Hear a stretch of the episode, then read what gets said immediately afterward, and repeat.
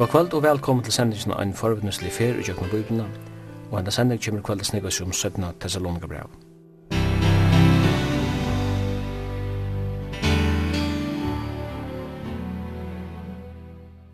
Henda sending er at høyre lindene kvart mykje kvöld klokka 19 og endersendt veri frugjöda 17. bar klokka 15.30. Og i studion er Simon Absalonsen, Jekvan Zakariasen og teknikar er Taur Arne Samuelsen. Sødna Thessalonika er helst skriva stått etter at fyrra Thessalonika brev er skriva, og hetta sødna brev kan skiljas som et framhald av fyrra brev. Paulus teker trajen oppadder, og høvesevni er øysni her atterkoma herrans. Nøkur folk i samkommen heva au hilti at Jesus longu var atterkomen, og andre hilti at kom hans er vær så nær, at det bærs kunne særa seg nira boia og gleima sine daglige skilder. Søtna Thessalonika brev bøyner menga slukar miskyllingar av enum. Møveliga hefur eit brev i Paulus skuldi eitast av hava skriva leipt eurek av samkomna i Thessalonika. Heita brev, Søtna Thessalonika brev, er stått einans trudje kapitlar. Og i fyrsta kapitlet tåsar apostelen trøst inn i lujingar tja samkomna. Trøst og kvila og i Kristus er at finna og i allar trångtene til båskabelen. Og i kapittel 2 underviser Paulus om atterkom i herrans og om hver ting vi må henta æren dæver herrans kjemer.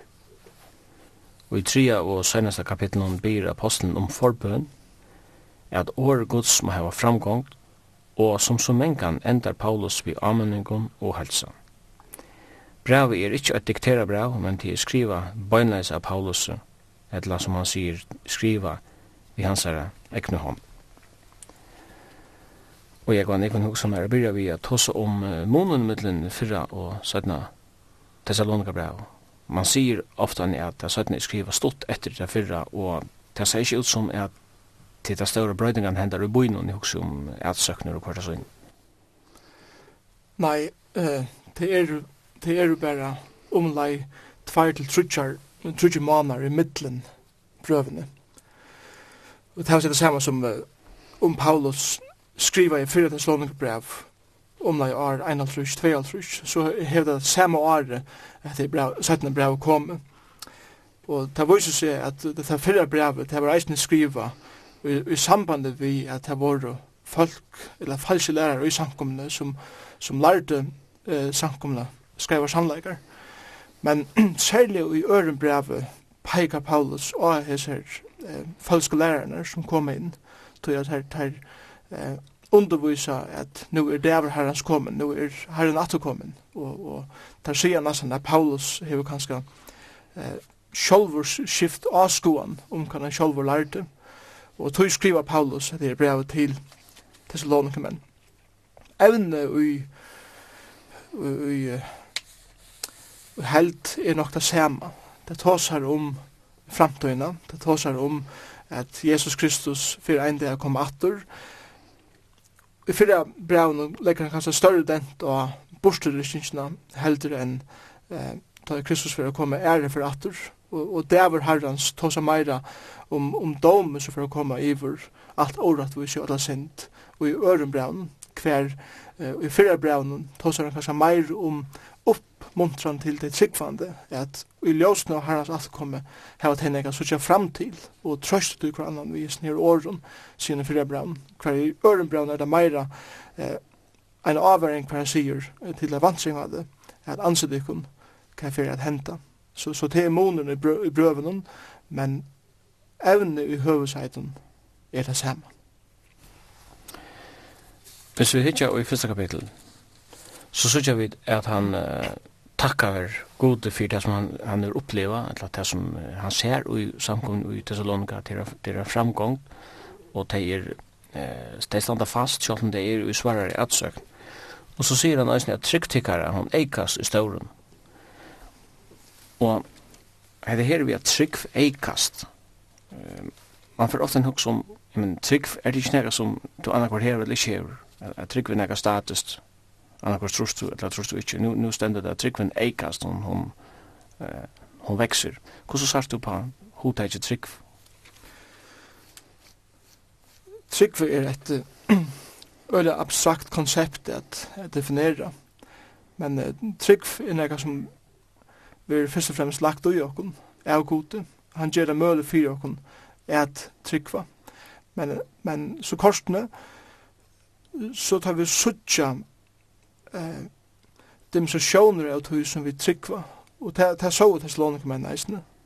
Og i trångten som det får i kjøkkenen, og i tog som de opplevde, og i øtlens nere mysteriesen, vi følskonlæreren, vi ætsøkn og trångt, så så det i korsene at god vær uisen her og hei fotla myndelega av ötlen. Og det gav dem så, det gav dem til at eigast ui trunne de, de gjør det sterskare, de stå stinnare ut hui som de tro og varen. Og til avhåverst at suttja bæg i fyrra braunen og eisen i setna braunen at tryggven eikast og som tryggv eikast eikast kærleikin eisen det er seg samme som at tryggv er ikke bare et abstrakt konsept som, som bare stender ensamalt og ikke hever samfunnet vi nek anna Men det større tryggmen er av god. Det større, det meir er kvile ui gode. Det meir er for det eisen et avurska min livsstil. Og, og til det som han sier her, i første kapitlet, vers 3, at han, han takkar fyrir, takkar gode fyrir at tryggtar er eikast, og så legger han seg at ui staurum, og kærleisen eh, til hver annan, vekser til hverjen og einen, at det kan ødelen. Så kærleisen og tryggf genga faktisk hånd i hånd saman her. Men det, det kommer heller ikke av seg sjolv. Det er forvojer at hos om at uh, henne tryggven hon, hon eikast i ötlen ætsøknen og trångten ut i luja. Og ter og hetta ein av trobleikene som Paulus eisende eh, skriver om i samkomne i Thessalonika. Ein trobleik var, var nemlig at de luja ætsøknen og trångt fyrir tryggsynet. Det gjør det eisne i fyrre brev, men det ble vi at løye her. Og det gjør det at det er trygg eikast. Det er samme som Paulus sier i, i Rombrevnen, i kapitel 5, vers 3 og 4. Her, her sier han så leis, og ikkje best her, vi drar okken av trångten og vi, to vi vite at trångten virkar tål, tåle rønt sinne, og hitt rønta sinne vogn og, og vogn og trygg eh, standa jo eisene saman. Så, så hette er den første trobeleisen som Paulus nevner vi, men hessen trobeleisen eh, skal ikke definere som en trobeleis som er, er ikke iverkommelig. Hessen en trobeleis som gjør det at det er sterskare og utrunne av sin god. Og det er sterskare tryggvinn gjerst, tess uh, meira åpenlyst vir tæra, tæra kærleik og tæra luiv saman vi hver nøyren. Da man ser tar man ser Paulus undervisa om trygg i jøkken Brøven, så, så ser man alltid at han legger dent av, hva skal man sija, grunnvøtlen, grunnvøtl troaren der, som er Kristus selv, at uh, trygg vi nei jo, men til, under, til verste understryker hva det er man tror av. Jeg tror ikke livet det, og, og Da det kommer til bibelska trygg, så er det ikke bare det at vi, vi bare trygg fra nøkron som ikke grundalega i fire. Det er det er slag av trygg som, som fyrir bare iver og nesten fatalismen av og, og tror bare fyrir trygg for og hever ikke grundalega. Bibelen peikar og medelig greit da at det som vi har sett høyre trygg for er grunda bæg søvliga, vísindalega og eisne mentalega, eller hva det som skal være. Eh, føying Jesusar, liv hansara herre gjør, deia hansar oppreisen, alt er søvelig prekva. Og, og det som er skriva i brøvnen, eh, er skriva inn i en søvelig situasjon. Hese bøyener, til dem Thessalonika, var en avvis og bøyer, følelsene og samkommen her var en avvis samkomma, vi avvis og røntun og, og erfaringen, etla eh, løvs omstøven, og det som Paulus sier her, bænt, er det, det som tid har sett deg trygg for, til, til en grunnvødler om til tøy, og tann tryggven som til kvila, hon heldur, og, og det er det samme som da jeg setter meg en stål, jeg tryggvi at han får halda til suttjestålen der, så han hever fyra bein, og setter meg av han, og han heldur meg oppe, og så er det eisen vi kristendom, jeg set meg, skal bruka de myndene av kristne, jeg kvile av kristne, tog at han fer halda alla veien, og han heldur, tog at god til vi sjolver åpenbæra seg ui sinnesyn Jesus Kristus, som er søvelig en person, som kommer at djeva sitt liv, eh, fyrir synder menneskjans, og, og vustu myndelagan bei i liv og deia, da han gav liv og tog det oppasur og i oppreisning. Hebreerbrev 11 det er en, en fin definition på hva trygg vi er. Det er fotløs om det som vi er vana og, sannføring om det som ikke sast. Jeg kan huske meg at jeg leser en for om John Patton, skotske troboeren som fører til hybridner, eller nyhybridnar, eh, visst nok midt i 1800-talen. Eh, og nyhybridnar ligger i, i Stiddelhavn. Og da han kom her, så var jeg folk her, det var kannibaler, som mann og at det er og det var en, en øyelig aggressiv kruksmental som rådde av øyne, eller øyne og hybriden. Han oppdea i det, etter hånden som han sett seg inn i mentan av kjøttarmen, og lærte seg malet kjøttarmen, er at uh, det er 80-80 år for alit, det er 80-80 år for trygg.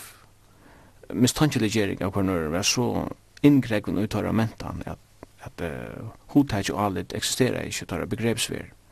Og det gav John Paul var stora trobelagar til han skulle omsida Johannes evangeli til uh, tara stammamal. Så en dag sitter han inn i hytten i kjassar og en, at han innfødder til stier. Og John Patton røyner å finne et år for triks. Og han sitter av stålen og han teker så føttene og lytter der av gulven opp av stålen og spyrt han innfødda. Hva gjør jeg nå? Og så kommer han ned, vi en lysingarår. Uh, at han kommer vi en år som merker at, at vi er kvillande. eller at kvilla.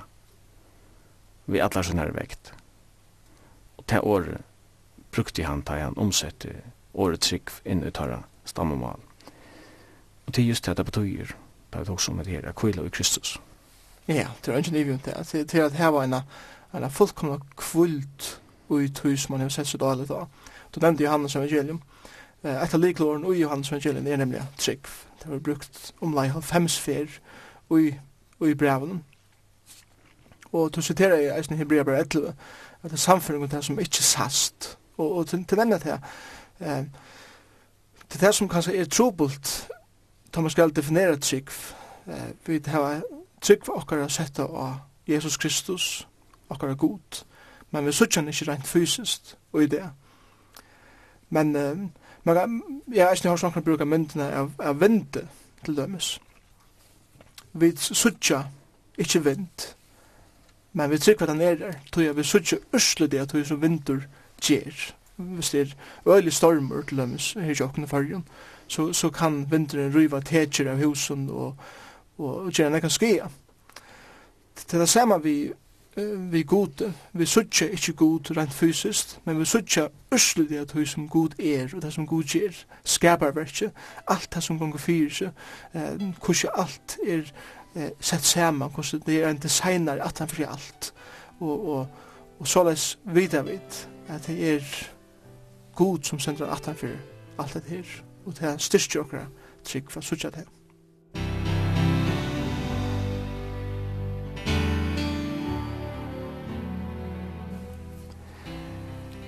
Hetta brau, søtna til Salonika brau, ikke nega lengt brau. Hvordan bøyda vi det opp? Jeg pleier at uh, bøyda brau opp i trutja parster. Faktisk er det trutja trobeleikar som Paulus nemmer vi, til tru endamål, og til trutja høves iveskrifter i som braun. Jeg kan nevna trobeleikerne først, jeg har langt nevnt ein, og det var trobeleikar som vi kjente etsøkt og trångt, som, som han tåsar om i i fyrsta kapitlet, vers 4 og 5, så vi råsum sjálfur okkun av tikkun i sankum gods fyrir tål og tryggtikkar og i öllun ætsøknum og trångtun og til luja.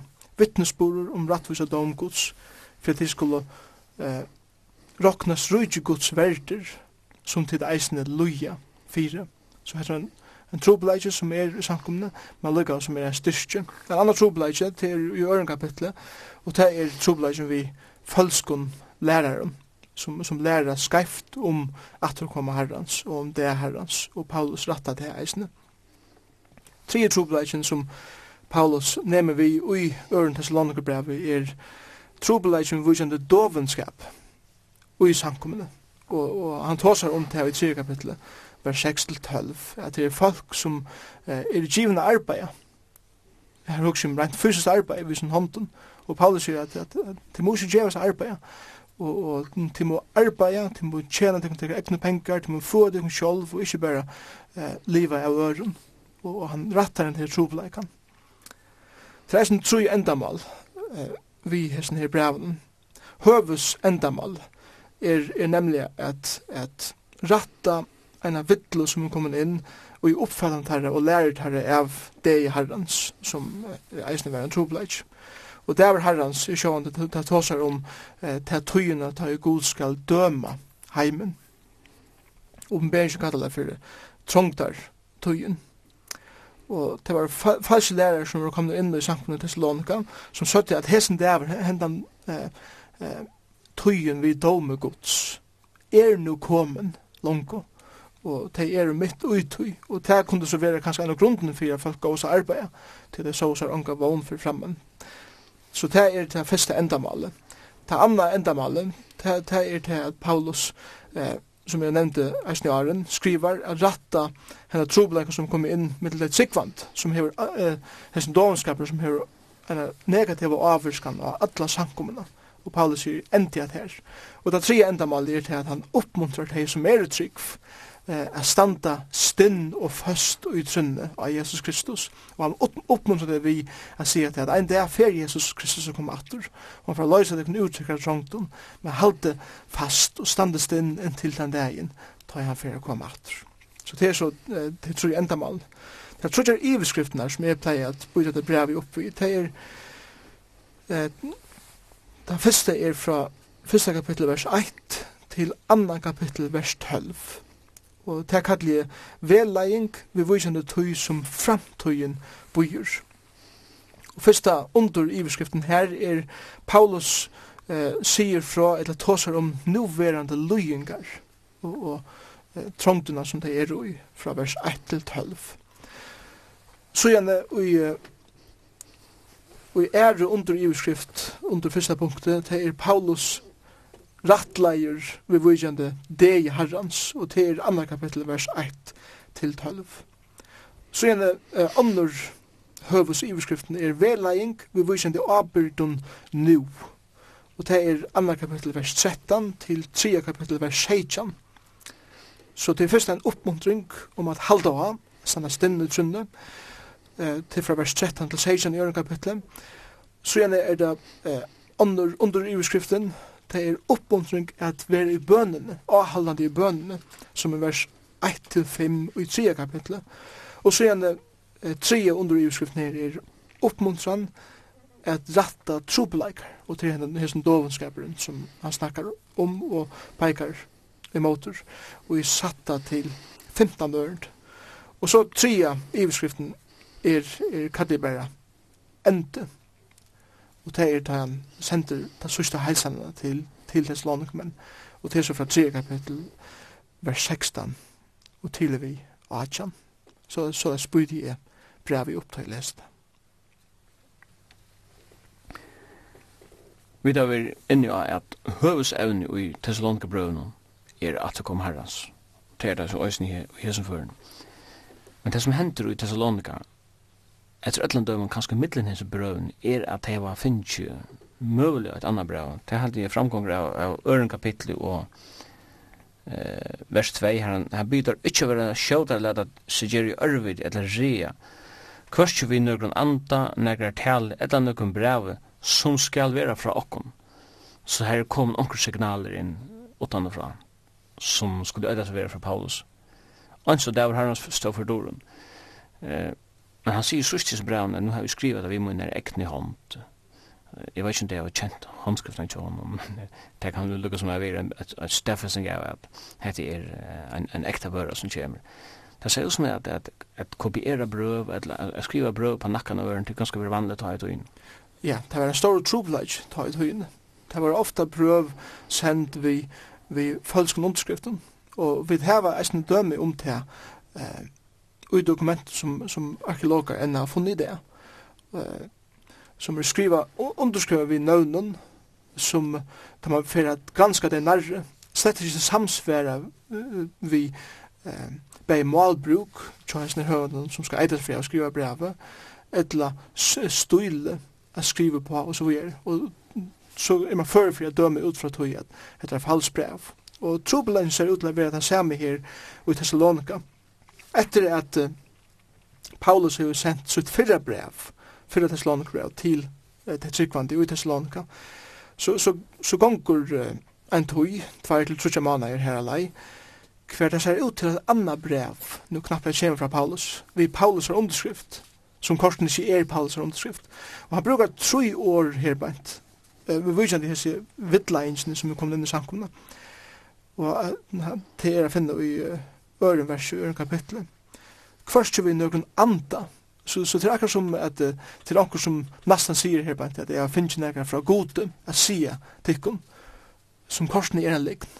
Og, og jeg husker her om hetta var stór trubla í eisini gamla testament. Ta komu falske profetar sum kallar seg profetar Guds. Jeremias 14 til dømis stóð um ta at uh, lign profetera profetar sigur Herren. Og det er det samme som hender her bænt.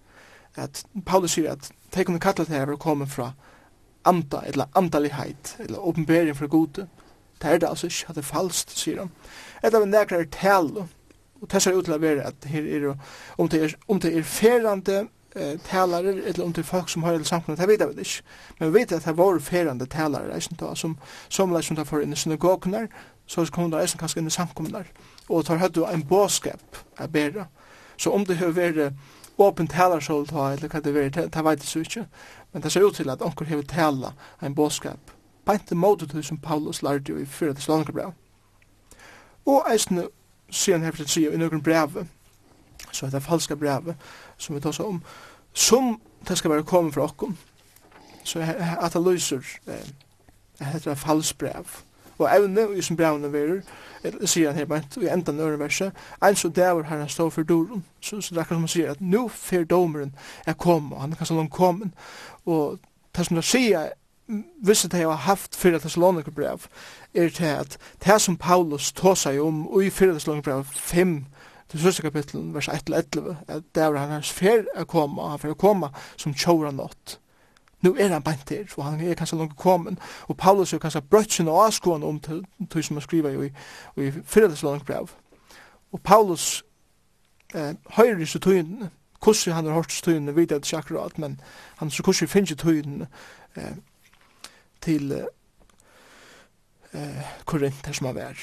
Og, og han sier ui som braun her, at hette er nekka som er ma ratta. Han skriver et helt brev her upp, uppbytt i akkurat tøy, i trutsi kapitlar, fyrir ratta, henne trobleikan. Og den gjør han nesten vel og vilja i i gjør kapittel. Og han viser i detaljen av alt det som har henda åren, og eisen hva for ei kjenna det er herrans. Og det talar om i øren kapittel. Det var herrans, det er nok jeg ble bra i semja om det at det har alltid sett det samme vi det om men eh, er det ikke flere det er herrans om det er i Bibelen? Jo, det er ikke nye om det det var herrans skal ikke Uh, skiljast her som et døgn på 24 timer. Altså ikke. Det var herrans talar om ta i god for å åpenbæra sin rattvisa dom iver alt årattvise og alla synd som byrja i langt fra fatle satans, kanskje åren eh, mennesker og, og alt var skapt. Det som hendte i Årstagæren og i fyrste Mosebok 3, da synden kom inn i heimen, synda falle, alt det som er hent nijøkna öldunar, eh, alt det som hender ut det, alt det som fyrir henda eh, i framtiden, eisen fra okkar perspektiv, som er órattvise, som er synd, som er eh, agengur imot gode og öllum som hon hører til, det fyrir god at døma ta i tøyen for, for å være byggven til det og det er for å være et tøyer skai hva er god for å døme synd. Um, god døme synd enn i det. Det er såleis, til å tidsja etter bibelskapssøve, så har god lade domsyn fatla her og nu og stenen ta. Men så gjerne er det eisne klæra tøyer hver god ikke dømer vid det samme, men dømer god kommer kanskje næra settene til dømes. Eh, kunne vi tega døme om ta Israel ikke Öld atna öld vilde fylgja lovgods. Men domer fall ta i Babylon som kom og tog eh, Juda i utlegg til Babylon. ta det ikke etter nudgelsement. Så vidar vi fra til dømes eh, apostelsunne 5, Ananias og Safira, til loa for Heliandan, til loa for Peter, og god straffa i det her og nu vid det at han tog deg heim, til døye. Men så ta i mist hender i det, så halda vi, no, god straffa ikkje hese her syndene, så, så herfra han ikkje henta. Men vi må skilja til at god er en god som er utanfor det som vi kallar for tog. Om til er her og nu, om til tvær måneder, om til tvei år, om til tvei tusen år, om til er tvei hundra tusen år, så er det ikke sier for god. Så er god er utanfor det som er tog. Men hver synd, hver skreift år, hver skreiv gjer, alt åretvis, fer ein det er vera dømt av gode, og til det som det var herrens omtalar herbeint. Og det var er eisne allukavall, tar hitje etter framtøyne fra nu av, ein avvist tøy ta i god for at uthettelsen av reie, og ein avvist han hatt av hendan heim. Og, og fyrir Thessalonikerbrev, anna Thessalonikerbrev tåsar om det, og vi kan eisen sutja til her, særlig i øren kapitlet, og i ljósen av tui som åpenberingen til dømes, tåsar om for at henta. Så der herrans er ikke bare et døgn, men det taler om en tøy, eh, ta i god leder vreie søgna, eh, være uthelta iver alla send, iver alt åratvise, og han skal enda fullkomlega gjøre enda av öllum slykun. Og det er det bibelska konseptet eh, om hva det er som dæver herrans ombor. Altså, vi ser, vi ser at det herrens i samband vi om men så omtaler Bibelen også det er Kristus her, som det er positivt. Eh, hvordan, hvordan kunne vi få grøye her som tingene her? Ja, altså området er at, at sudja alt det her i perspektiv. Så ja, det er herrens eh, hever tver syre, kan man godt sige. Fyret han som hever avnagt til herren, er det en rævlig dæver. Men for de som har tidsmål til Kristus i sin liv, er det en endeløsninger dagar kan man godt sige. Eh, dagar herrans ver omtalar til dømes eh, i ljósen av de vantrykvande, de som er til herran, i fyrsta kapitli og i Øren Thessalonik brev. Og her, her sier han til dømes, han løser rattvis av domgods, og, og han sier i, i til dømes eh, kjenta og åttenda versi og så vujere, at ta i Jesus oppenberes av himle, vi enklen velte syns, vi loande elde, til han leder komme hevnd i vitei som ikkje kjenner god, og i vitei som ikkje er evangelium Herre okkar Jesu Krist lujen, tei som luja straff, evige forteping, borste fra asjon herrans, og durt veldes hans herra, til han kjemur hin det er, han viser seg dyrmedan ui hinn heilig og synd. Så her sørger vi tver suger av det samme rævlig fordøming, evig fortabelse for de som har avnagt av Kristus. Men de som tidsi mot Kristus, stender her bant, i tutsjende verset, at han kommer hin det av vise seg dyrmetan, og i ötlun hin heilovsvinnum, og vera ondtrunar havardur og i ötlun og i troheva, tog tryggven vær vittnesbor okkara til tikkara. Så, så hette er en, en utrolig kontrastur her bænt som samtidig er en utrolig avværing og en utrolig oppmuntring til mennesker at hekk mot Kristus. De som har avnakta Kristus skulle møte det i herrans og herranen som sine domare, det som var kastet i og i allar ever bortsett fra Asjøn Guds, fortapt. Men de som kommer at kjenne Kristus her i løyvnen, de som gleder seg til at han får komme atter, til han kommer atter at tega det heim til himmelen, er vi saman vi ser, og, og, og, og han skal være undrunar havvirt i öllum som tro hava, det er at vi allar æver skulle vi standa undrande vi tilbyan iver hver vi Kristus er og hva han hever gjørst. Og tog er det området for åkne, så ikke boar søgner av hva det er som det er herrens og det er Kristus er tås om. Altså fyrir kjera ut og papp, det var herrans tilsette i samband med daum, og det var Kristus har tilsett samband med endurløysing. Ja.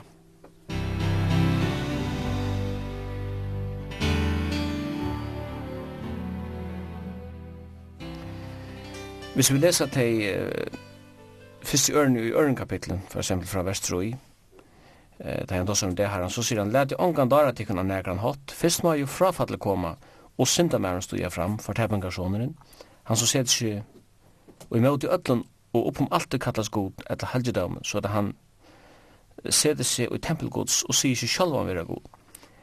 Minnast tid ikkje at jeg sier tikkun hetta men jeg var tjatikun, og nu, tid vita hva de heldur hon atter så han skal ikkje stuja fram fyrir enn atuisuinu. Tui løgnum av lovløysins virkar langum, best må han som nu heldur atter færa vinn. Det som vi så kjer til er at Paulus har vært i Thessalonika og har givet en undervisning. Og nu skriver han til deg og henviser til det som han har lært deg. Og tåsa med land om at frafall skal komme og at og er ikke hendt som at han nu heldur at det færre vinn og det var over skilka det måtte vi. Men uh, det særlige vi hos her er at enda det er sida til og diskutera hva det måtte vi til at det er ikke det som vettelig stiger og hørte undervisningene fra Paulus i Thessalonika som var en forutsetning ganske fire skilja kan han mene vi her.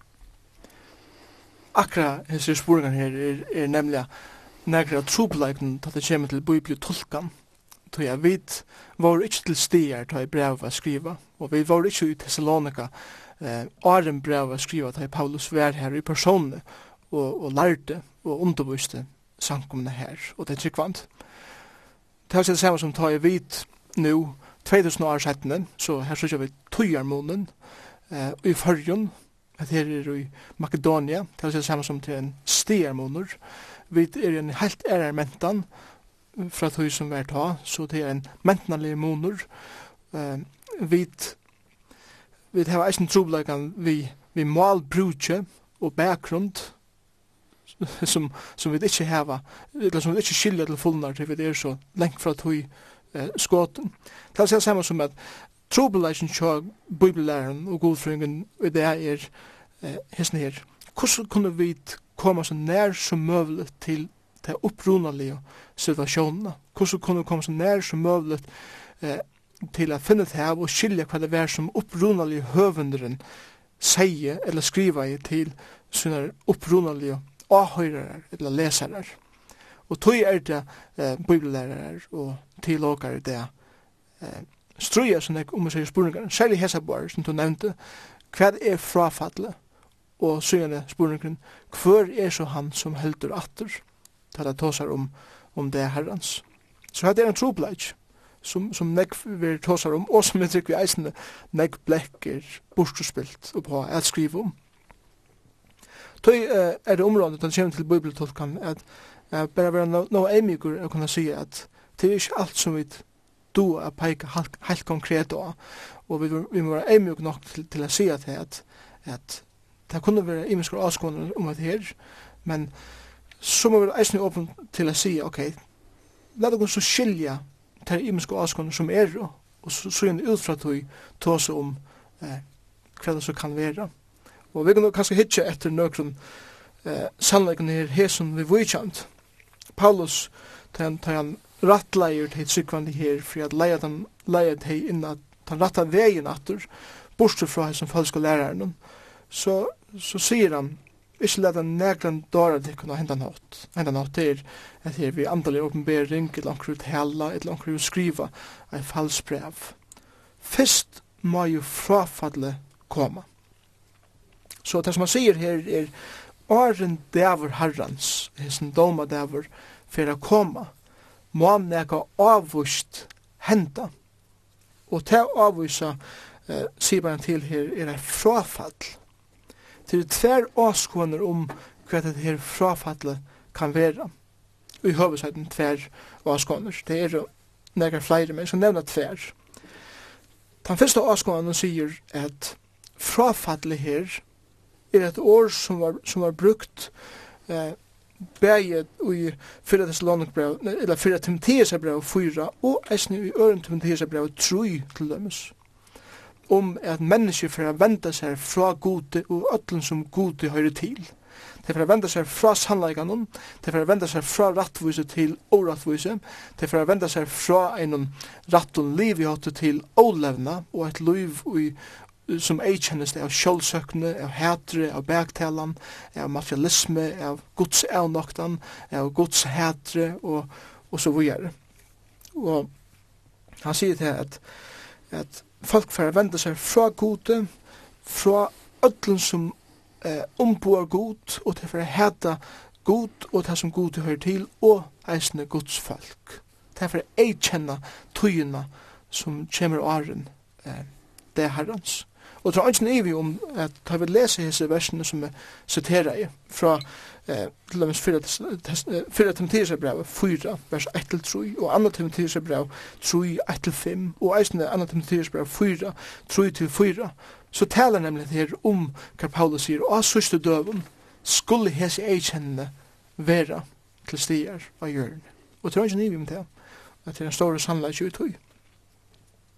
En annen avskåan, eh, om året frafall er nemlig brudje av åren æra æresammer. Og, og anker sier at etter året frafall og opprunnelige malen kan eisene omsettast at færre bostur, eller at vera tidsin bostur. Og, og det, argumentet vil brukt av, av teimen som gjør mun og eh, bosturrekkingsene, og er å komme Jesus. Til seg saman som det sier ta i Jesus for å komme etter, så vil det i, i tveimon, kan man godt sige. Fyrst for Jesus å komme etter samkommende. Det er øtlen som jeg har tidsje mot Jesus Kristus som sine frelsere. Han kommer fyrst det som og det sier at til det som vi er tås om i 4. Thessalonikerbrev fyra, ta Jesus Kristus kommer nyer i skudgjene og han, han rytter samkommende opp i skudgjene og møter honom her som søgjane vir tidsen heim til himmels. Medan samkomman er i himmelen, sema vi herran, fer domur gods er komme i vi hjørna, det som åpenberelsen 6 til vi atjan tåsar om, det er rævlig trångna som kommer i vi hjørna. Og det som det som så vil sipa til her i Ørn Thessalonikbrev, Ørn kapittel, og i sånne versen her, tre versen, er til at det som Paulus sier her, fyrst for sankoman er vera rikt bostur, eller tidsin bostur, heter året, eh, som hever omsett i føreskobøypen frafall, kan eisne vera omsett. Fyrst ma bosturrikkingen, eller bosturferen, vera. Og, og tog sipa til til at fyrst ma Jesus koma atter etter samkommet at her kan bostur ur hjørne, og ta for domer gods er koma. Så her har vi eh, tver suger og tver imenskar avskåner om eh, hva for at jeg kjenner så tøyene. Og hva er rett eller skreift skal jeg ikke, skal jeg ikke for at jeg setter finger nå. Men uh, hette så, jeg viser så kurser og tver avskåner om dette her ørende herbeint. Man kan kanskje si at det er til måneder at det var spekulasjoner om det, og så hitt det blå fyra kantar eller dogmatiske i, i nøkla spurning som tulking. Ja, jeg halte en utrolig god medregler i bibeltolkan er nemlig det her, at vi er amerska i okkara eh, menneskelige amerska og åt til å skilja en o-amerska igjen. Allmåttovan god, og tog må vi, må vi være eimjug nokka sida, det er ikke alt som jeg kan skilja, men jeg tykker jeg god til å giv meg alt som jeg har bruk fyrir her i løyvnen, jeg kan leve mot løy fyrir ham. Fyrir, Det er det samme at det kommer til imenskare avskåner om hvordan vi skilja en avvisan tekst i skriften. Så må jeg eisen vise viring fyrir til innlite som ånder heva i skriftene. Jeg må du at sutja eh, månen av hva er grunnleggjande og hva kanskje ikke er så grunnleggjande, etla hva er primært og hva er kanskje sekundært.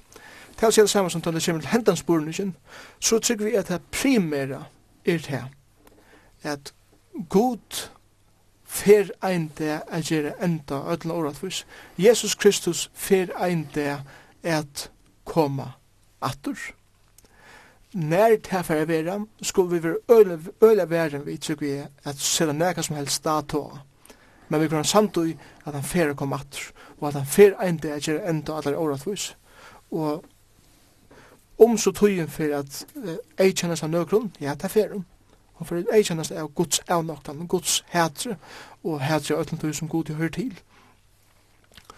Og hon for eisne ei kjennast av at det er vera langsultrygg vi er i Guds folkje, jeg slipper heim, det trygg vi, heim til himmels.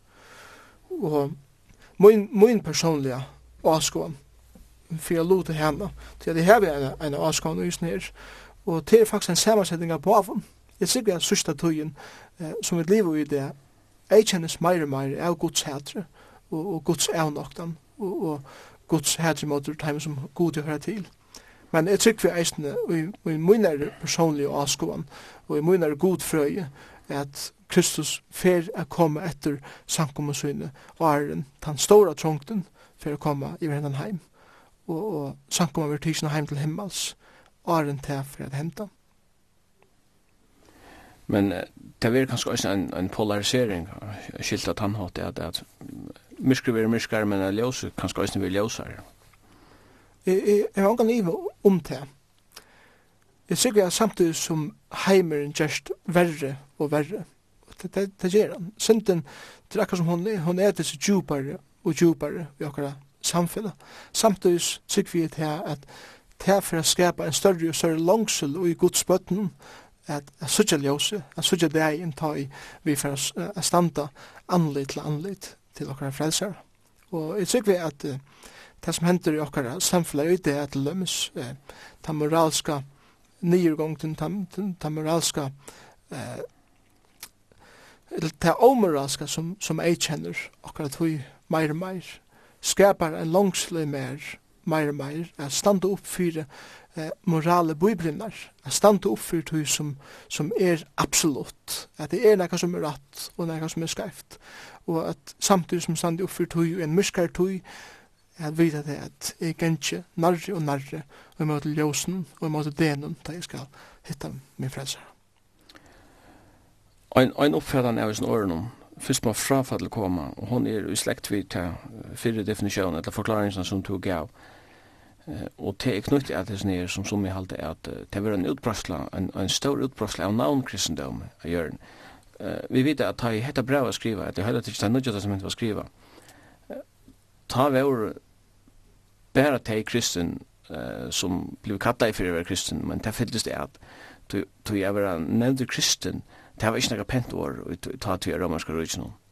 Det var ikke noe kulturelt forbundet vi det året. Det var etterfylgjer av en Kristus, en som har blitt krossfester, og så framvegis. Men i samband vi frafallet vil man ofta, eller vil det knutt til en utbrøsle av navnkristendom, og man finner det imse stedene, for eksempel Timotheus Abraun, han sier at det skal komme en tog hver i fall skulle øydes og øydes god, men, men er nok det kraft godsøytans. Og Jesus sier selv at um, han tog kjemer til hvert han dreper ikke for at halda sitt dorska god så vi gjør noen, og i kristendomsens navn færre nekker avgjere fram. Ja, det er ikke nye om det, og til, til nekker som suttjat sig vi er eisne ekla vel og i okkar vesselenska eh, samfella. Det er eh, utrolig stor navn kristendommer utbreiter bæg i Europa og eisne i Vestraheimen hele tidsje og i det. Kristendommer kom til Vest-Europa vi utrolig myndelaika, da i Paulus, ferreist i Europa, og det kommer ha en avskam av okkara samfella, og, og, og alt det som okkara samfella ei kjendis av eh, oppsjøkken öldunar. Men samtidig som kristendommen har haft disse avskamna, så som vi er utvikla i, og vi har finnst meir og meir rujtjødømme, og vi har haft en utvikling i teknologi og i vysund og öllun øren, så er det lykka som om at, at hette gjørst av kristendomsins, men Kristus sjálfur, personeren, er setter ut av sylinnar, og, og han er glemtur. Og, og tog er til at vi tar bare navngjunan kristendom i det, og vi halda det at okkar egn standard fyrir moral er, er, er avgjørt etter hver meirluten heldur i en demokratisk samfella, men det er ikke å si hver personer som setter den absoluta standarden eh, sier og i det. Og, og tøy trygg vi er at som akkurat tøy gjerst myskre, eller myskare og myskare, så fyrir det samtidig heva en slik avvirkan samkommer, samkommer okkar og kyrkjur okkar. Det her at vi må være meira eh, tjarv er standa upp fyrir navnen eller ikkje. Som vil si det samme som, som det blir myrskare og myrskare, så fyrir det være en opprutting, ui okkar i kyrkjen og i okkar samkommun fyrir hver stendin og veri og fyrir sannleikan eller ikkje til det fyrir kosta meir og meir at sia et trykker på navnet Jesus jeg fylgjus Jesus i sjolven etter og så trykker vi er som okkar samfella gjerst moralst verri og verri så fyrir samkommun er vera rensa meir og meir, tog at det fyrir kosta nemlig nu, er standa upp fyrir navnet Jesu.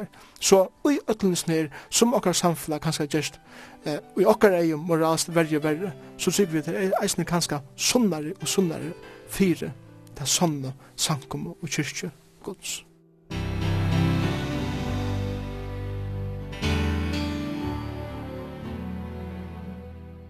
man ser det at lunsa til eh, nästan all, eller allt røyner att ta Jesus till inntøk för sina oppfattan. Eh, alle religioner och ideologier, om det så är islam eller humanism til lukka mig alltså man røyner att ta vi i kjøldren. Det är akkurat som att, att navn, navn er så navn som, som vi har brukt bara för att eh, lägga nekka træt. Och, och jag tycker vi at vi må gjøre mån og bare bruke navnet som er navn, og så at representera den personen som ber, som ber navnet, til at det, det fer er kosta at virkelig er standa opp for navnet Jesus Kristus. Så det kosta ikke nek bare lukka nevna navnet av og, og bare for at jeg skal leva noe godt og bli heilet. Men eh, jeg fylgja tog som navnet omboar. Fylgja öllum tog som Jesus sier det er det som kostar akkurat tog. Og tog er det at, at det få som velja tåre at standa opp for navnen sjolven og tusen og tusen og omboar. Men det heldur, så var det heldig bare brukt som eit banjor eller noe som slange ut, eller fyrir skal bare leva noen godt som nevna navn Jesus her i der. Og Jesus sier, eh, det kostar at jeg går prossen og fylgja mer. Vi løs oss her om at det skal en person stå fram og gjøre, og er en dæver herrens kjemer. Og i 17. Thessalonika brev kapittel 2 omtaler han han som uh, syndamæveren og fortæpingarsåneren. Han har negd nøvn. Vi vet også fra Johannes og breven her, her stender det at tid vidar jo at antikristus kjemer. Så det er en, en, en um, pastor av undervisningen som de har haft ut første kristentøyen, at en person skulle stå fram og gjøre som uh, skal være antikristus, og han er som så negnøvn her. Men uh, så har vi dette avhåverdet som langt er inne av, at Paulus sier at til en ega som helder atter, eller som forar hon fyrir at uh, stuja fram, Så han vil jo også kalla fyrir uh, en lovløysinger. Ja? Her stender, tog løgnum av lovløysins virkar langke, best ma han som nu helder atter færa av enon, og ta skal hinn lovløysi stuja fram, han som Herren Jesus skal drepa vi andra månsyns. Altså, hin lovleise, syndamævren, fortabingarsåneren, antikristus. Det er ikke eller titlar. Nei, det er det altså ikke. Og, og Paulus skriver det i sin slukken hatt, for det skal ikke være honaligt. Han, han legger sannleggene båre hvordan verlig er, og han er ikke tespelig, men han er ærlig. Og det er det som, som gjør monen. Og han kallar antikrist her. Antikrist er, er et navn som, som, var, som ble brukt og Jesus, og hese tøyen. Jesus brukar navnet sjálfur, og, og Johannes som du eisen siterer, brukar det navnet. Og problemet er året for anti er kanskje ikke den året som, eller den tøytningen som vi legger i året i det. Da vi sier at vi er anti eh, okkurst i det, så er det at vi standa til nesten pura seg motor men upprunnelig året for anti var at gjør seg sjølvan lykan en nøren, er, er røyna standa ved syna av nøren og lykja sånn ek som, som møvlet. Det er faktisk det som, som året innebär. Men så korsene eh, undertonen og, og anti er det at korsene er det tog fullkomlig imot er lykist, men faktisk lykist er fyrir at veite hinun fall. Og til det som antikrist eh, ger, og eisne antikrist anden som hever eikjent atla tog, het her at eh, det kan godt sørge godt ut, det kan være attraktivt, men det sender öllum som god til eitur vi motor Og Paulus tek seg tog ui som braun her at lysa eh, han her antikrist som skal komme fram etter er frafallet hever hent, eller etter at bortstyrkingen hever vært, og han, han gjør en imiska titlar her bænt. Han kallar han ui tre ørende syndamæveren. Og jeg tykker at det talar om karakteren tja som mannen. Hva det er som han omboar. Han omboar eh, synd. Han omboar eh, allt det som Satan hever rönt at øya heime vi. Allt det som han er steg i gode i motor vi. Lyga fra fattelen som byrja i stoltleika. Og alle vegin i sånne öldnar. Det er samme som jeg Satan, karakter satans for å eikjenne antikrist, eller karakter antikrists. Og sier, han sier så vujer i utsigjørende at hessne syndamæveren skal stuja fram. Så, så det får være noe avvist som får være skönligt Og, og, og i hver form det får være, det vet vi ikke nekva bøker har skriva om hver antikrist er, hver han kommer fra, hvordan han får stå fram og så videre. Og jeg sikker som sier Johanne, nekk blekk er eisen bortspilt opp alt her. Eh, og, og så i verre hevda eisne vire eh, ekvelig sikker vi er åsunnar diskusjoner om hver han er. Men, men han, han sier her at han fer a stuja fram, så det fer a vera kjønnligt, ta i hessen her personen fer a stuja fram. Men han kallar han eisen i hessen her i sinne ørenden og nu tre ørenden i ørenden kapitlet fortæpingar soneren fortæpingar soneren til, til en annan titel som han fer, og til sikk vi er til lyser hva det er som bojar hessen her personen antikristen som fær stod fram og til nemlig fortaping, er vi jo domer bostor fra Asjon Guds. Og til leser vi deg om i oppenberingsene Nøytjan, at antikrist og livprofeten skulle være kastet i eldsjekven avia atskilter fra gode. Men han fyrir løys han vujare, og han sier i fjordørende, han som seter seg i måte i öllun og opp om allt og i kallast god, etla halvdjudomur. Og til å si det samme som at han, han fyrir eikjennast, og i sånn her, at undertonen er at det er imotur öllum og upp imotur öllum som kallas god, eller halvjudomur. Og faktisk får jeg sette meg sjálvan upp om det, og til det næsta som vi lærer eh, ui sin versen, setten helt av versen, så den setter seg ui tempel gods, og sier seg sjálvan vera god. Det er det samme som åri anti, til nekka som er imotur, men opprunelig eisen nekka som lykist, og han fyrir sier, hikk, Jeg er han som skal være tilbyen. Jeg er han som har haksa myndelag. Jeg er god sjolver.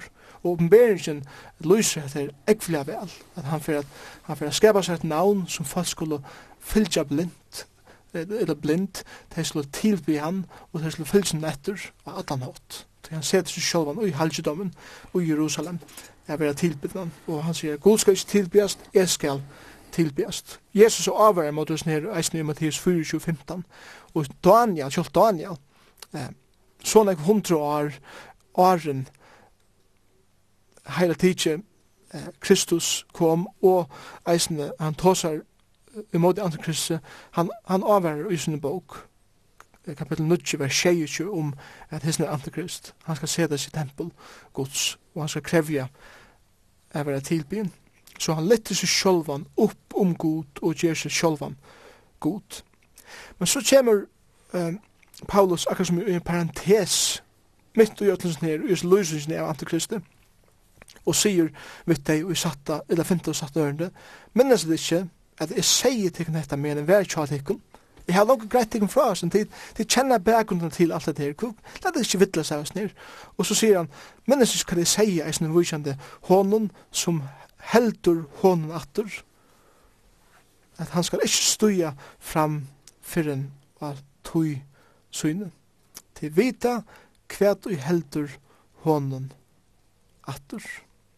Og her er en spurning av eisene som, som hever nekv omrøyder i, i middelen eh, godføringar enn i det. Vi kan lesa kjenda vers eisene, og Lugaren forklare det. Til landarmal lovløsens virkar langt nu. Best må han som nu heldur atter færa venen. Så han brukar dette ord tværfyr. Han sier satt verset, vi vita kvæt ui heldur hon atter. Og så gjerne kjente ordet best må han ui heldur hon atter færa venen. Så han brukar tvei år, kvæt og han, om det som heldur honom atter. Så er spurningen, hva er det så som heldur hon atter? Og, og det er eisne omrøtt eh, oppsøknen tøyner. Og til tver avskåner om hva det er som heldur natt. Anker heldur at det er samkomman som heldur antikrist er atur er kunne komme eh, ut som han ønsker. Og den tror lagt råd at samkomman er salt i salt sjående heldur råd, råden skal borster vi kan salt av fisk og vi kan salt av kjøtt for at halda råd öllum råden skal borster og, og såleis er samkommen her gjør heldur råden skal atur og tog for han stige stiger fram. En andre avskåren sier at dette tar om heile andan som, som heldur antikristi atur. Jeg vet at heilig andegods er av hjørne i det. Han tykker bostad ui eh, falskjegods og til han som heldur hon atur, og han forar honom er koma, eller er stuja fram, til at heile andre som er god sjolver, her hakre myndelaga enn antikrist, og eisne virst satans her er gjør. Til å si det samme som, at ikkje fyrir enn heile anden vir tidsin av gjørne, sleppur antikrist og stuja fram. Min avskån om det her er til at jeg hadde vist til å flatta bæg saman, jeg hadde bår avskåner er rattar. Det er faktisk ein avskån bare vi feimon imskon sugen. Det er akkurat som en gymsteiner til, til, til ein sannla juisen her, men en gymsteiner er flere suger. Og jeg tykker vi at det er bæg sankoman og heilig anden som heldur eh, sindamannen atur. Og eh, til dem som sier her, bent, vi vet at kvæt og i heldrum natur, Det er kvætet, tyk vi sier bare til samkommende. Han, or, han brukar han og i, i kjent ørende, sier bare til heile andan, til heile andan er personer, eh, tre personer, tre endarinnar. Det er det samme som at ta i samkommende ved tidsin og rikt bostur av hjørne, fer heile andan eisne hem til himmels, og løyver faktisk og i atlan gods løyver god syndamanna søya fram. Syndamanna er ångandi utanfor myndelega gods. God er suverener, og han slipper ikke gjerra nega meir enn det som god løyver honom. Men det er akkur som god sier, gjer seg vel. Og vi lesa vujare at god skal senda sterska vittling visen her som kjemur i menneskene som, som er her gjør. Og han, han løser antikrist vujar her i åttende ørende. Og ta skal hin lovløse stå fram. Ikke for en, for en han, sankoman og heilig andre som heldur, som heldur hånd natur, ta skal han stå fram. Han som Herre Jesus skal drepa vi anda munnsvins og gjera til ønskes vi oppenbering koma sinner. Og til lyser Johannes i oppenberingen nøytjan, ta Jesus Kristus skal oppenberast av det kvite hesten koma til gjerra og gjera fullkomna enda vi åresynen, han den dagen, det er herrens, det han skal fullkomne gjøre enda av antikrist og alle som fyllt jo hånden etter. Koma hans er at her kom antikrist, ver etter stersk og virkans satans, vi öll måtte liknarinnar og teknon og undron. Paul, eh, Johannes tåsar om at her i oppenbergsne 13, hvordan eh, eh, dyre som Johannes kallar han fyrir, eller antikrist, som han eisen kallar han fyrir, eller syndamæren som, Johannes, eh, som Paulus kallar han fyrir her, skal stuja fram, og det skal være vittling, det skal være teknon, og det skal være undron, som er stort av Satan sjolvun, og folk skulle fylgje hon blindt etter, og vi öllun svik, svikun åratvisnar fyrir teg som fortepast, at fyrir teg tåk ikkje vi kærlega vi sannleikanon, så det, uh, så det kunne være frelst. Men det er av nokta, og tog sender god til min sterska vittling, så det er enda tryggva liknende, er det som Paulus sier, sier i sin versen her på et. Og, og heter en øyelig vittling som, som kommer, som trekker som god sier, og det er hatt at det fylltja, så er det hatt som til å få, og Rambra var ett tåsar om at god gav deg iver til listersøgnar, og det er det samme som hender her på et. Folk skulle fylltja blind etter fortaping av sonen, hon som innskjer vittla i menneskene, og føra til vi en evig skyldna borste fra god.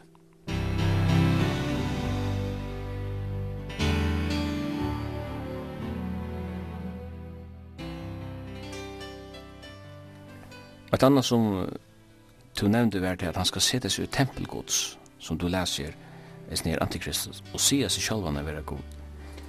Og jeg halte at det er utelukka at vi kunne fer inn og andaligera til handlingsna til han ser det sin tempelgods, altså vi har sier at det er nekka som hender ute i avkjønnelige, det må være fysisk tempel av hjørne som han fer og ser seg inn i, og sier seg er vera god. Og hver og hvordan? Ja, hatt det en spurning som vi kunne brukta heila vetur på, men uh, til området i i bibeltolkan, Amerika for bibeltolkan er nemlig han at vi skulle lese bibeln vi sunnar fornuft, og hvis det ikke da vi kommer til eh, glemmes et år her som han sier, seda seg i tempelet, så vil vi ikke knappe bare for at til andalig gjøre det, og bare bruke det som myndatel. Jeg hadde visst lese det her som et fysiskt tempel som var av en avvisun geografisk sted. Og til å si det samme som eh, da Paulus seg om tempelet eh, til tryggande folk, og eisen samkom som var bæge eh, eikjent av jøtun og heitningun eller grikkun. Så det er eisen ivi om at han sipar her til tempelet i Jerusalem. Trobladjen det er til at tempelet i Jerusalem er ikke her. Og han sier at hans syndamæren fyrir koma og skal sette seg i tempelet som er fysisk tempel. Tøy eh, vil det er sagt i munnare eh, eller ja, vi mener oppfattende av hva Bibelen lærer. Grunnt av gamle som og under testament, jeg har hukse særlig om Ezekiel fra kapittel 40, og hukse eisen om det som Berensen sier, så trykker vi er at ein dag for tempelet i Jerusalem er vært endreist. Eh, Israel, og det som hever vi Israel å gjøre, er, er kvante som iveskrifter i okkara bløvun, eller okkara nutjheidon, eller hver det så er. Og jeg tykker at her fyrir forskjell vi, og jeg tykker at ein dag fyrir det her tempelet, oppi av eh, tempelhedgen, her som ein moské stender det, her fyrir ein dag et tempel, er vera endurreist.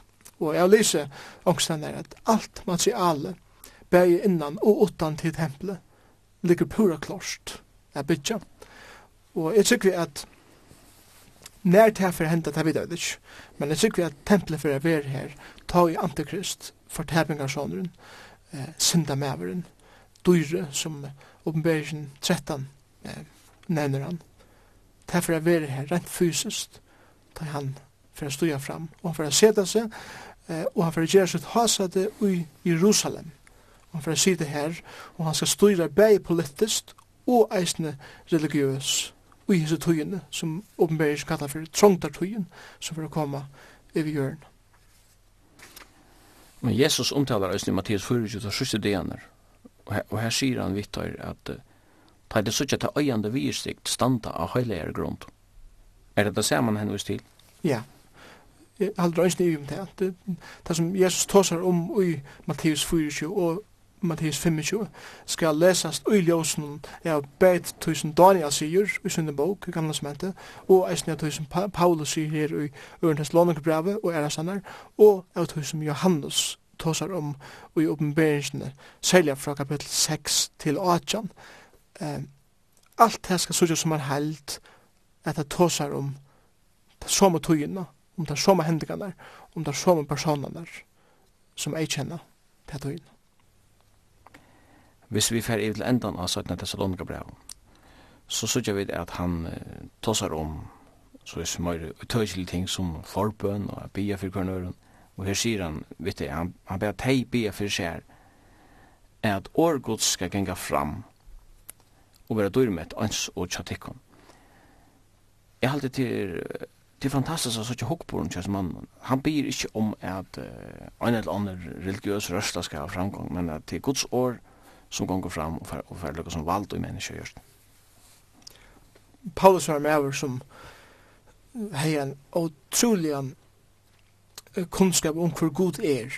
Og hesen kunnskapen gjør den ikke stolt om han, han gjør den enda mer eimjukan og, og Paulus legger den da at til eit som er støvn imot til eit som er vil strujast fyrir om min liv og til, til på, ein måte eller en hatt i innkjent enda muskai og til er nemlig at for evangelium skuld, skuld for årsens skuld og for navn Kristus er skuld. Og til det som han sier her, han kunne gått eh, nu for at hosa vujere om eh, alt det som han tås om, han sier, be for okken at år herran skal genga fram og være døymet en sosiatikken.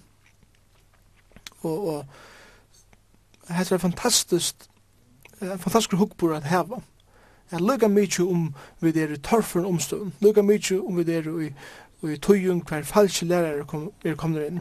Let okkur standa opp for sannleikene og bygge fyrir at sannleikken det er det rette året, det året som er grunda av hva skriften lærer skal ha framgångt og ikkje hit. Og han tar seg nemlig og i, og i øren, ørende og i tredje kapittel så, så, så vi er Hva er det så hva gjør til at året er framgångt, til det at vi var bjargeier fra henne rangvarde og, og under menneskjen, til det at vi var bjargeier fra åsunnare og skrevare lær. Det er det samme som tess meira grundarle er her i skriften, tess meira vitan er her i skriften, tess meira tøy i bruk av granske og guds, guds sjolvor, tess minne standi utfyre er av avurskaver og fatla fyre skaivun lærum som han kanskje ho at snurja skinn. Og tog er det Paulus lekk så står han den og av året og av Kristus og evangeliet. er kommer atur til Golgata, er kommer atur til året og til livande året som Jesus Kristus sjolver.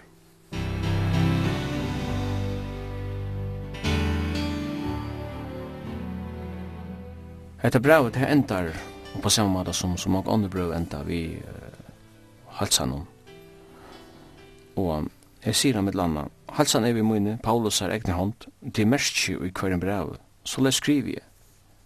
Nei, herre okkara Jesu Krist, ver vi tikkun öllum. Nu vet vi at ta ut tøyne var ikke alltid at han som eh, forfatta i brev, at han sjálf skriva i brev, han kunne diktera det, så kunne ånden skriva. Og Paulus har nok skriva nøkker brev hver han er først pennen sjálfur, Men eh, til han så ikke alltid gjørst. Vi vet at Lums, i Rombraun, sista sørste kapitlet her stender, E. Tertius som har skrivet brev. Så det er han som har først pennen, som er Tertius. Men her er det så Paulus og Gussus og Søgnas brev som fører pennen selv. Og det kan være for at prekva til at dette er et, et autentisk, et, et ekta brev, som han sender at han ikke skal komme og komme i en falsk brev, og så framveis. Men det han sier til mørkje hver en brev som så det skriver, hva mener han vi? Til Reimeskar mener om hva Paulus eh, sier bare til til han sier at det er en tørna i holdt om innom. Men det ser ut til at det er veldig eh, et eller annet fysisk som Paulus er strust vi, som han lever. Og tar vi hitje etter bei apostelsøvnene og Galaterbrønnen og æra sannar, så ser det ut til at kanskje har Paulus strust vi egen og kjasser. Han er jo se ytla. Og til dømes til han ender Galaterbrev, så, så sier han at til suttje kos er størst og vi står i stevene og skriver til dere. Og til, til akkur som han ender til brevet, og, og, og han sier at at nu så det, heter min håndskrift, hon er kanskje nekk større og klossetare enn den som, den som skriver brev nyer firme jeg vil skriva. Og til det kanskje samme her bare i øren Thessaloniker brev, om det hever Silvanus eller Timotheus eller hvor hever skriver nye firme det vet jeg ikke. Men så er det akkurat som eh, helsan sjolv, sier han, helsan er i munne Paulus er ekne hånd, Og det er mest i hver en brev som er. Så det kan være at Paulus har haft en avvisa underskrift, en avvisa helsan som har vært eh, større bøkstavar, sindu klossutar er at han, han har vært blendur, eller kursier nok så blendur. Og det er her akkur, akkur som vært mest som Paulus ber. Og særlig eh, da vi tok så om det falska brev som var sendt til Thessalonika og i navnet Paulus her, så sørger vi her at her er den ekta av vøren, i måte til oekta av vøren til at her er en særlig underskrift, min egna underskrift. Så, så hetta merket, det det tykker vi er bare eh, skriften som kanskje, eller håndskriften som var annerledes enn han som hei sitera brev, og det, all, den aller sørste heisanen i brevnen eh, så annerledes ut, og det var hon Paulus her. Jeg kan her halt til aller allersøgnast. Nå har vi lukket som kommer til jøkken etter brevet her. Eh, hvis man skal gjøre seg halt her inntrykk av brevet og spyrer seg selv, eh, er det relevant for meg og i det? Hva kan dette brevet fortelle meg og i relevans til nåtøyene?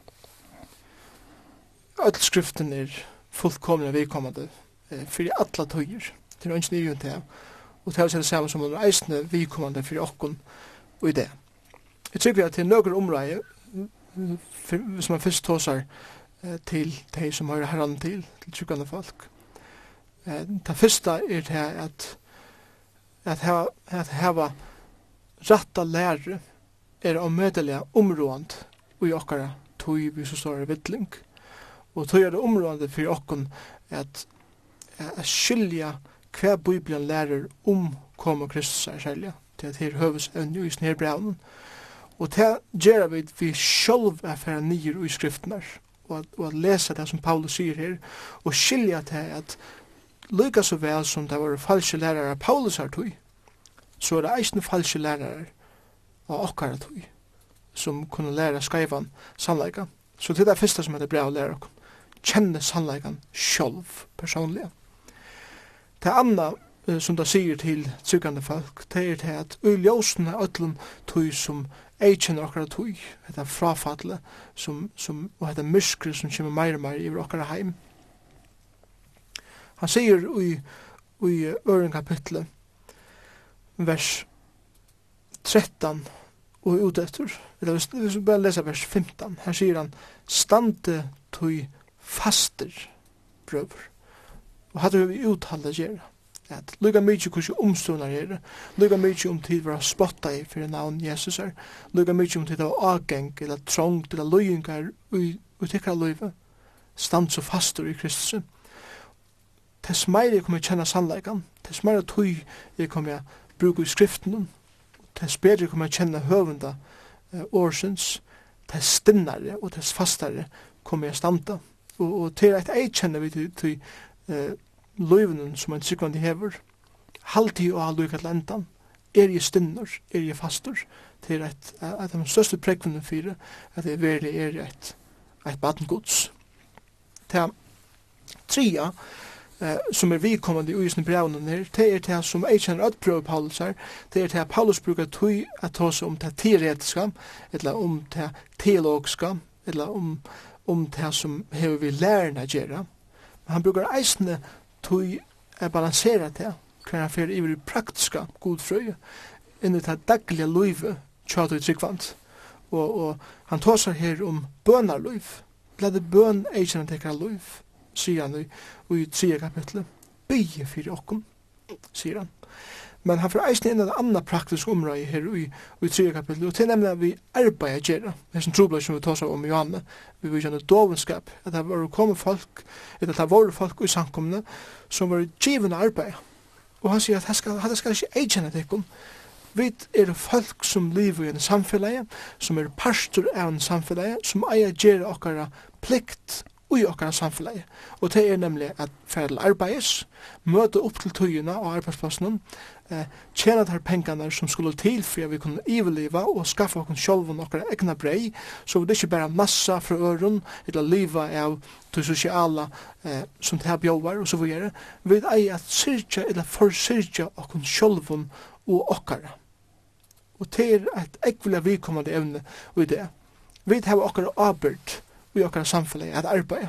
Vi har okkara arbeid som borgarar i okkara samfella at færa vel om at vise eh, goa respekt og goa viring for okkara styre og okkara medmennesken, okkara grannen og vi eier eh, at gjalda okkara skatt, vi eier at, at gjerra det her som okkara land og okkara stjøten byr okkara gjerra og vi eier at ombå, og såleis umpo vi vel navn Jesus her i okkara tog til ønsken i vi om det til lærer Paulus og just nir brevnen eisne og så sier han eisne og i, i 13 dørende og trøtt, trøyttest ikkje gjerra det som godt er.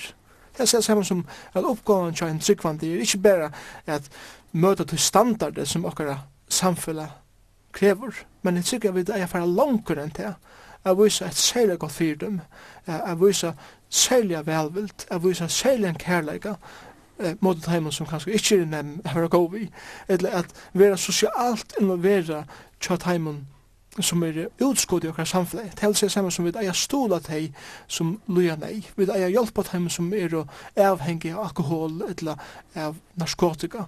Vi eier vera teg heimleis og til hjelp. Vi eier syrja fyrir at antjer og teg som er einsamme, anlega mammer eller, eller brottna familier eh, heva det godt. Vi som sankummer, vi som tryggvandi eier er at boa kristendom á en hatt som Jesus kjørte, det er at Jesus involvera vår og i løyvene kjøren og vera fyrdømme og virkelig hjelp her. Det er det som Paulus sier her, men trøttes ikke av å gjøre det gode. Og så sier han eisende, ja, at ui samkomnen om onkur ikkje bør gå vittnesbor, så har jeg vidt å avtale deg og leia deg atur av ratta lei.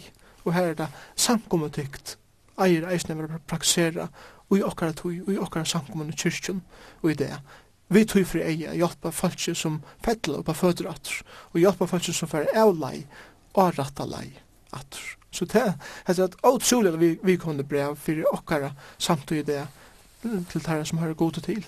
Men det brev talar eisen til teg som ikkje kjenna god, og som ikkje vilja hava nega vi Jesus Kristus a gjerra. Og til nemlig at, at, at god sier at om du ikkje, om du ikkje vil teka imotur Jesus Kristus, så bøyer en rævlig framtid her. Og det er en evig skillnaver fra god og sjolven. Og Bibelen kallar det helvete. Et sted som er skapt til Satan og englar hans herre. Men synd er kommet inn. Synd har gjort en skillnad i middelen god og menneske. Men god har vært løsningene. Og han har gjort alt som skal til for at menneske kunne få synda fyrir skjeving, for at menneske kunne, kunne komme inn i et rett forhold ved god atter vi tjøkne Jesus Kristus, vi trygg og at det er fullkomna verset som Jesus gjør det av Golgata krosset, så lest kunne mennesker komme til Jesus Kristus i det, og Paulus omtaler det herbeint, samtidig som han peikar at det er rævlige som bor heimen, som ikke vilja tryggva av Jesus Kristus, og det er nemlig en avgjør skyldnaver fra gode.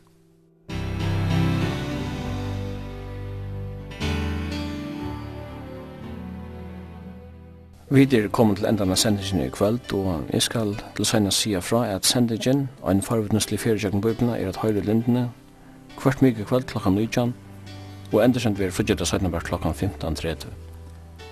Og i studion er Søymen Absalonsen, Jekvann Sakariasen, og teknikere er Tørre Arne Samuelsen. Vi sier takk for dere.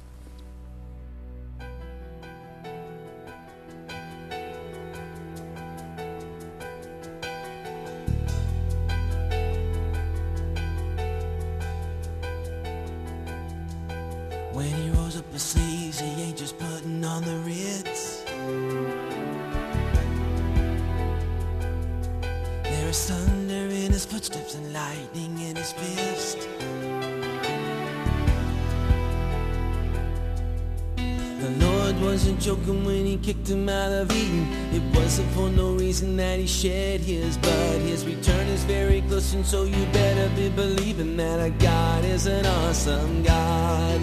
Our God is an awesome God. He reigns from heaven above With wisdom, power and love Our God is an awesome God.